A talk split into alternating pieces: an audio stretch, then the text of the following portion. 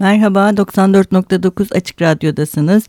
Günün ve Güncel'in edebiyatında bugün Teknik Masa'da Ömer Şahin'le birlikteyiz ve konuğumuz Burhan Sönmez. Hoş geldin Burhan. Hoş bulduk. Biz Burhan'la da biraz önce konuştuk. Burhan Sönmez bundan dört yıl önce konuğumuz olmuştu. O zaman da İstanbul İstanbul romanını konuşmuştuk. Ee, ve bizim ikinci programımızdı. o yüzden bizim için de neredeyse bir yıl dönümü gibi oldu. Evet, evet, Demek ki dört yıl oldu. sonra yeni bir e, kitapla, labirentle e, e, Burhan'ı tekrar buraya davet ettik. E, Labirent aslında senin edebiyatında e, farklı bir kitap. Yani bildiğimiz Burhan Sönmez üslubu var ama Yine de e, ilk okuduğumuzda evet biz Burhan Sönmez kitabıyla karşı karşıyayız demiyoruz kitabı okuduğumuzda. Bu farklılık nereden geliyor? Sen de böyle bir kendine bir challenge mı dedin yoksa başka bir bir şey mi vardı? Öyle mi ya da gerçekten? Ee, evet farklı olduğunu ben de söyleyebilirim ama e, yazarken insan e, ilk başta farklı olduğunu düşünmez. E, sonuçta kendi kaleminin bir parçası gibi hisseder. Ama yazdıkça anlarsın ki daha önceki romanlarından farklı bir şey yapıyorsun. E, çünkü zorlandığın yerler aynı yerler değildir. E, veya kalemin rahat aktığı yerler aynı yerler değildir. E, o zaman hem kalemini hem de yazdığın kitabı e, tanımaya, anlamaya başlarsın.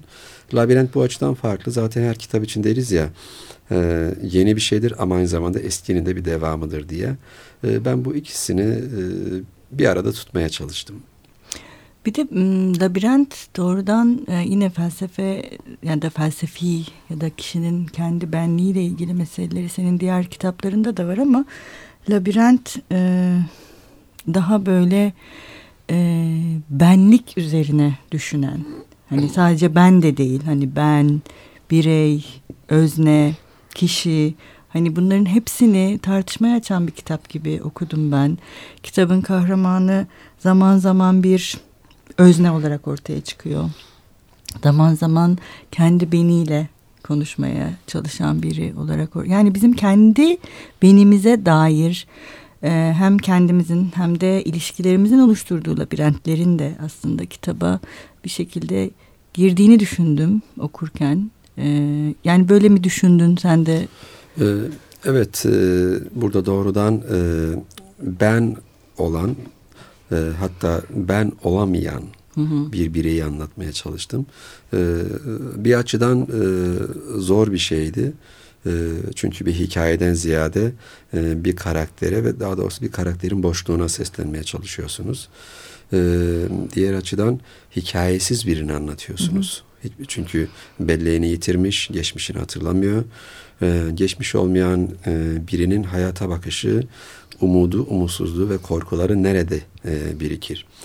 E, aslında yüzyıllık e, edebiyat tarihi insanlık gelişiminin e, paralelinde belki de bir adım önünde gidiyor.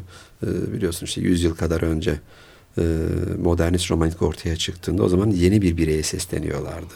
İşte James Joyce'tan Virginia Woolf'a. E, aynı dönemlerde e, Kafka daha başka bir şey yaptı. Bireyin e, bir e, derisinden bir kat soyup bir altına indi bizim göremediğimiz o altına. Bugün artık e, son dönemlerde biliyorsunuz fazlasıyla dolaşımda bu post-truth dedikleri işte evet. gerçeklik ötesi diye çevirebileceğimiz yeni bir evreye girdiğimiz e, bir dönemde insan nedir peki? O zaman insan içinde biz post-human mı diyeceğiz? Yani hı hı. E, gerçeklik ötesiyse o zaman insan ötesi yeni bir e, insan algısına mı geçtik? E, bütün bu soruları içinde taşıyan bir roman yazmak istedim. Uzun süredir vardır kafamda. E, yani yaklaşık herhalde 10 yıldır e, notlarını aldığım, çalıştığım bir şeydi. Ama son 3-4 yılda e, çerçevesi iyice şekillendi ve e, yoğunlaşıp yazabildim. Peki mesela e, bu boşluk da önemli bir şey. Yani bir boşluğa seslenmek, hikayesi olmayan birisini anlatmak ve e, kahramanımız zaten aslında meşhur bir blues şarkıcısı evet. İstanbul'da. Ee, genç 28 e, yaşında. 28 yaşında Türkçe blues söyleyen evet. e, albenisi olan e, bir evet, delikanlı. yakışıklı, insanların evet. tanıdığı. E, bir de hep senin kahramanlarında Erdem Değil mi? Erdem olmazsa olmaz. Evet. bir evet. şekilde. Bunu merak ediyorum mesela. Hani bunu bilerek mi yapıyorsun? Hani diğer eserlerinde de var. Hani ya da şey mi? Kalem bir şekilde o karaktere Sanırım o ikinci e, kısım herhalde. Bilerek ya da işte, katılır mısın bana bilmiyorum. E, yok e, kesinlikle katılıyorum. E, şöyle yazayım diye e, düşünmezsin. E, bir karakter vardır zihninde. Sonra o karakterin ruh hallerini e, tartarsın ve ona göre e, biçimlendirirsin, sahneler kurarsın. E, kalemim hep o yanlara doğru gidiyor. Bazı Hı. karakterlerde daha fazla, bazılarında daha az. E, zaten biliyorsun e, yazarların e, şey romanlarında diyelim ki öne çıkan temalar nelerdir diye Hı. sorulduğunda yazarlar e, bunu bilemez. Ancak birkaç romandan sonra dönüp okuyarak kendileri de anlamaya çalışırlar. Evet, Neymiş benim temalar. ee, biraz öyle bir şey. Sen Erdem deyince evet e, hoşuma gidiyor. Demek ki böyle bir şey. Ee, geçen gün e, bir e, eleştiri yazısı vardı. Orada da şöyle bir tespit yapıyorlardı. Ee, acıyı yüceleştiren hmm. e, bir yazar diye. Ee, evet hoşuma gitti. Acıyı yüceleştirmek. Acıyı yüceleştirmek ama oradaki yüceleştirme aynı zamanda insanın o acı içinde yeniden doğma imkanını arayıp evet. bulmak. O anlamda bir acı. Ee, eğer acıyı orada yüceleştirmezsen belki de insanın bittiği, yok olduğu, yıkıldığı bir kişilik ortaya çıkacak diye hissediyorum. Evet bir de yine senin eserlerinde iç sesler ve dış sesler her zaman çok ayırt edilebilir bir şekilde ortada olmuyor. Bu da tabii bilinçli olarak yapılmış bir şey. Ee, bu labirentte daha da artmış. Ee, yani o yüzden gerçekten e, ben kitabı okurken bazen şey diye düşündüm. E, bu arada bunun e, yani teknik bir sorun asla değil bence. Kitapta böyle bir eleştiri de ben çünkü gördüm. Teknik bir sorun olmaktan çok e, tam da aslında e, bu seslerin birbirine karışması ve kişinin kendi seslerini duyamıyor hale gelmesi. Hani o gürültüden, gürültünün yani kendi zihnimizdeki bir labirent.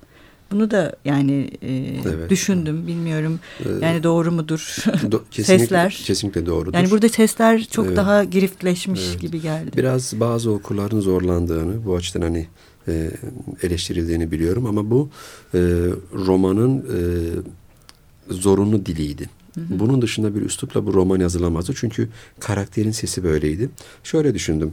Ee, bizim karakterimiz e, işte canına kıymaya çalışıyor. Evet. Ee, ama sonra işte gözünü hastanede açıyor ki hafızasını yitirmiş. Hı hı. Ee, sonra arkadaşları geliyor ve buna e, kim olduğunu anlatıyorlar. Sen geçmişte şöyle biriydin, şöyle biriydin diye.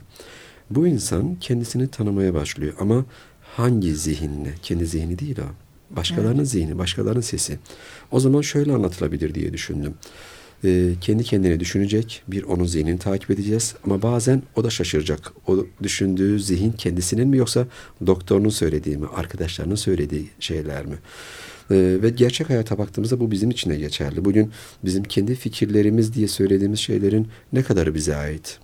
Ne kadar medyadan edindiklerimiz, reklamlardan gördüklerimiz, siyasetçilerimize telkin ettikleri, e, insan ne kadar kendisi olabilir günümüzde? Bu kadar e, fazla malumat bombardıman altında. Bilgi demiyorum. Çünkü biliyorsun e, malumat ve bilgi farklı şeylerdir. Bugün internet çağında, e, medya çağında e, aşırı malumat bombardıman altında kalmış insanlar olarak kendi zihnimizi biz nasıl özgür kılabiliriz? Bu ciddi bir e, sorun bence. E, bu roman bütün bu soruları zihninde taşıyan e, bir yazar olarak kaleme aldığım bir kitap oldu. O yüzden de sesler giderek giriftleşmeye. E, bence zorunlu. Zorunluydu. Yani, zorunlu. Yani günümüz insanını biz böyle anlayabiliriz. Bunu biliyorsun James Joyce hı hı. 100 yıl önce yapmıştı. Ee, sonra bunu bizde en iyi e, uygulayan Oğuz Atayoğlu Tunamyanlar'dı. Bir tür Ulysses'in aslında kopyasıyla hı hı. E, yola çıkarak yaptığı bir şeydi. E, ama e, o insan sorunlarını çözmüş insan değil. Hala hı. biz o insanın hatta daha karmaşık sorunlara gömülmüş biriyle karşı karşıyayız bugün. Yani evet 1970'lerden bugüne geldiğimizde artık o seslerin daha da giriftleşmesi gerekiyor. Evet, değil mi? O evet, giriftleşirken evet. de bir şekilde anlaşılırı e, ya da ne diyelim anlam dediğimiz şeyi yeniden kendi içinde inşa etmesi gerekiyor. Ee, bunu bu, buna devam edelim ama e, bir istersen bir ara verelim. Kahramanımız blues Aa, şarkıcısı. Evet. Ne çalalım? Evet. E, kitapta ismi geçen bir sürü şarkıcı var ama orada Muddy Waters'ı e, yazmadım. E, e, ondan bir şarkı mümkünse. Tabii. E, e, Kuçu Kuçu Baby var mı listemizde? Tabii. Evet.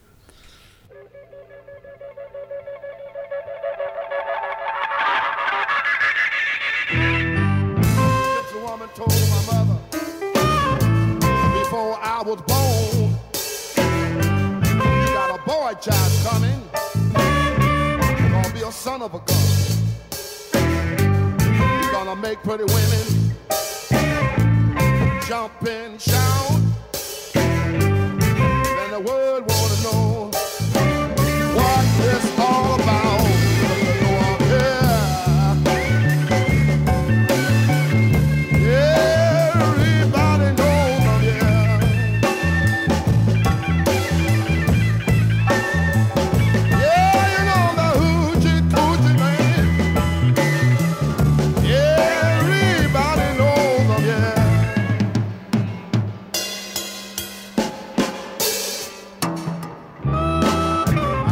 cat bone. I got a mojo too. I got the Johnny Conqueroo. I'm gonna mess with you. I'm gonna make you girls lead me by my hand. Then the world will know that I'm the hoochie coochie man. You know I'm here.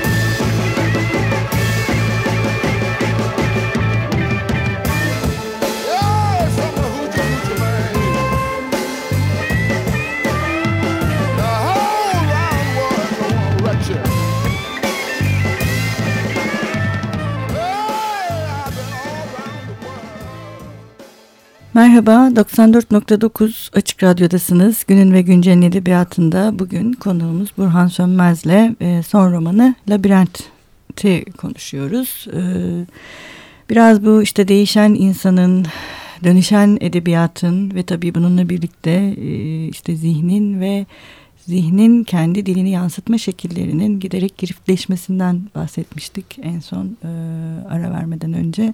Biraz buradan devam etmek istiyorum ben. Bu yani benim son dönem Türkçe edebiyatta da özellikle dikkatimi çeken bir şey. O senin de programın başında bahsettiğin hani insan değişmeye ve dönüşmeye devam ediyor. Dolayısıyla hani biz de e, bu insanı ya da yeni insanı tırnak içinde her çağ, her çağın yeni insanı nı da bir şekilde tanımlamaya ki bu labirent özellikle senin diğer eserlerinde düşündüğümüzde karaktere en çok yoğunlaşılan kitap mesela diğerlerine göre. Evet.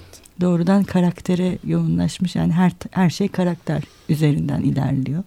Hani kurgunun daha arkaya atıldığı, karakterin öne geçtiği bir e, eser. Bu da o yüzden mi oldu yani bilerek hani tam da bu sesi, dili, belleği e, yani bu insanı tartışmak Ee, evet daha önceki romanlarımda e, benzer karakterler vardı belki ama onlar e, sonuçta büyük bir hikayenin parçası olan pek çok karakterden sadece biri olarak duruyorlardı.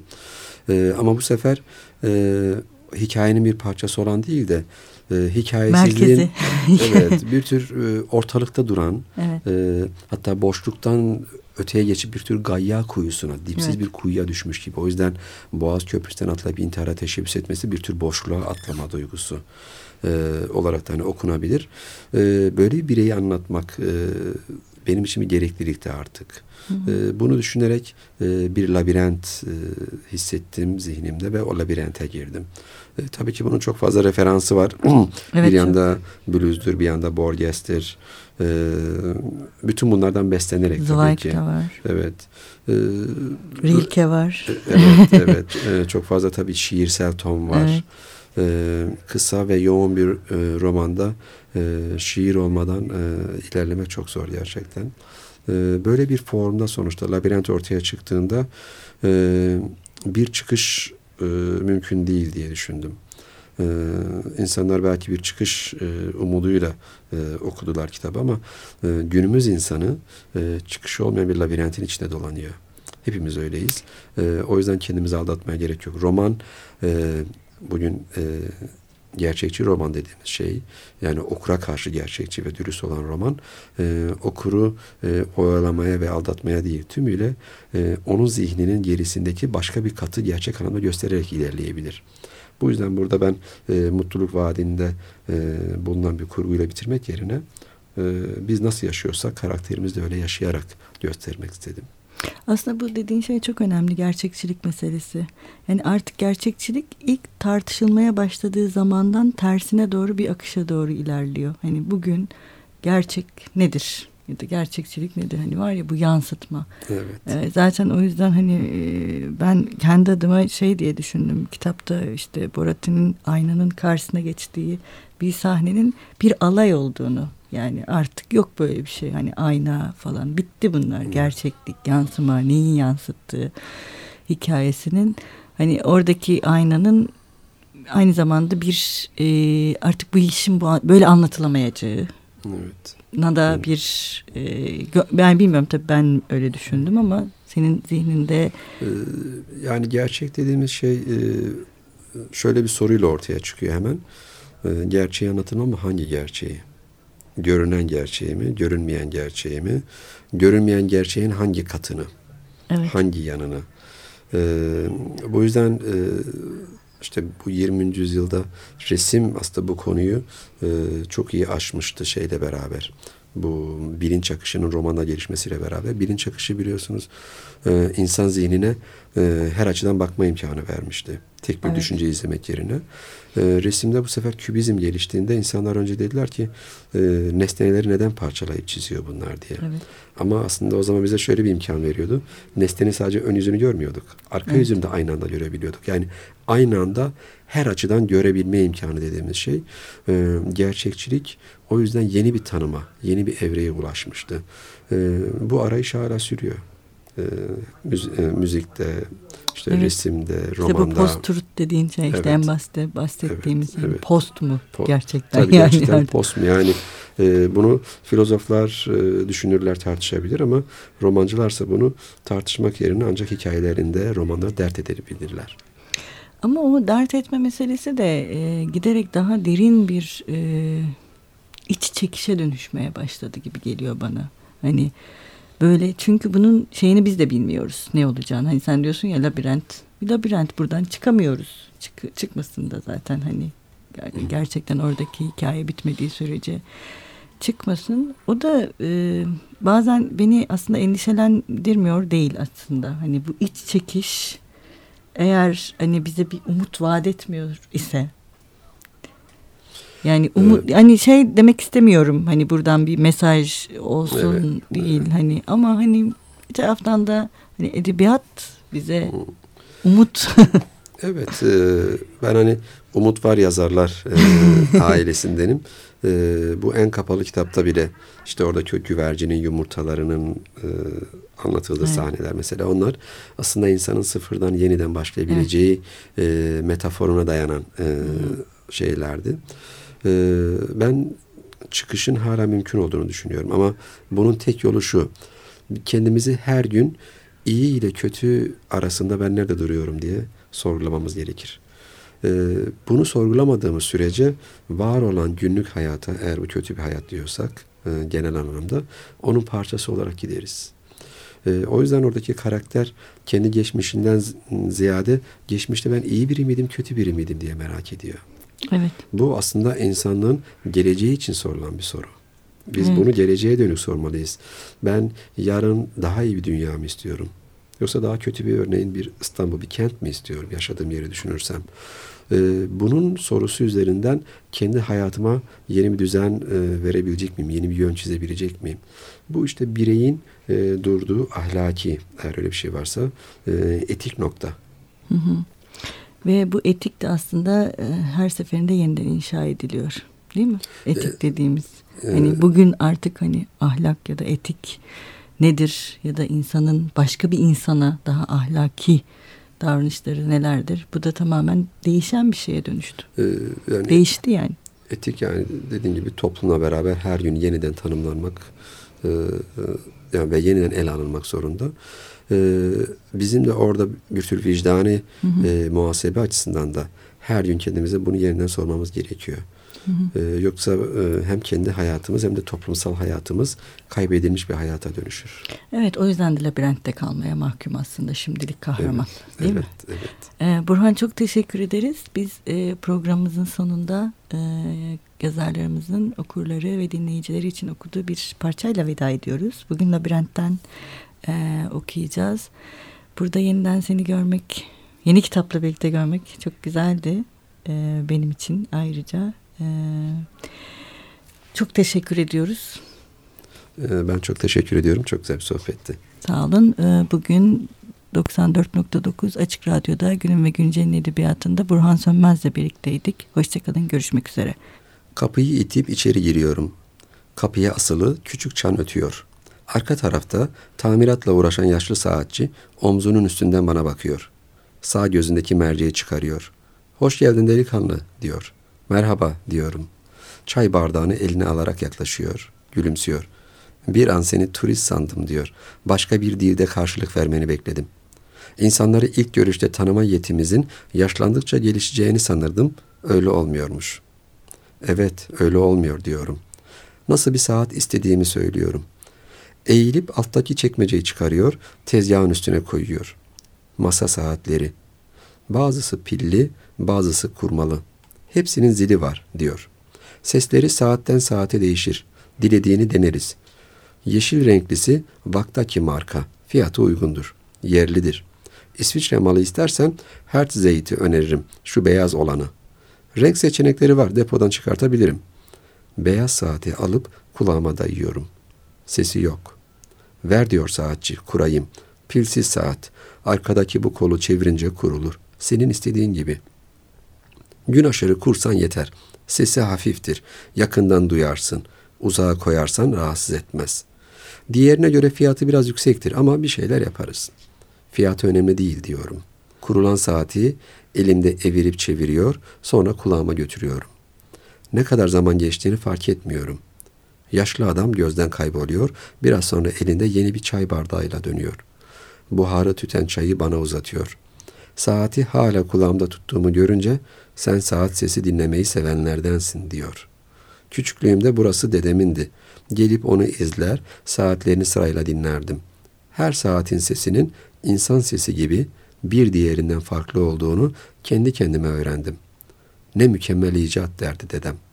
Saat satmak veya tamir etmekle yetinmez. Tuhaf düşüncelerini de herkesle paylaşırdı.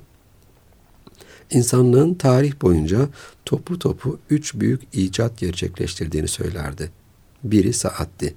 Saat sayesinde doğum ve ölüm yerine şimdiki anın anlamını bilirdik. Ne geçmiş ne gelecek vardı saatte. Geçmiş ile gelecek gerçek hayatı hissetmenin önünde engeldi. Saat bize bunu göstermişti ama hala saate alışmış, ona uygun ruhlar edinmiş değildik.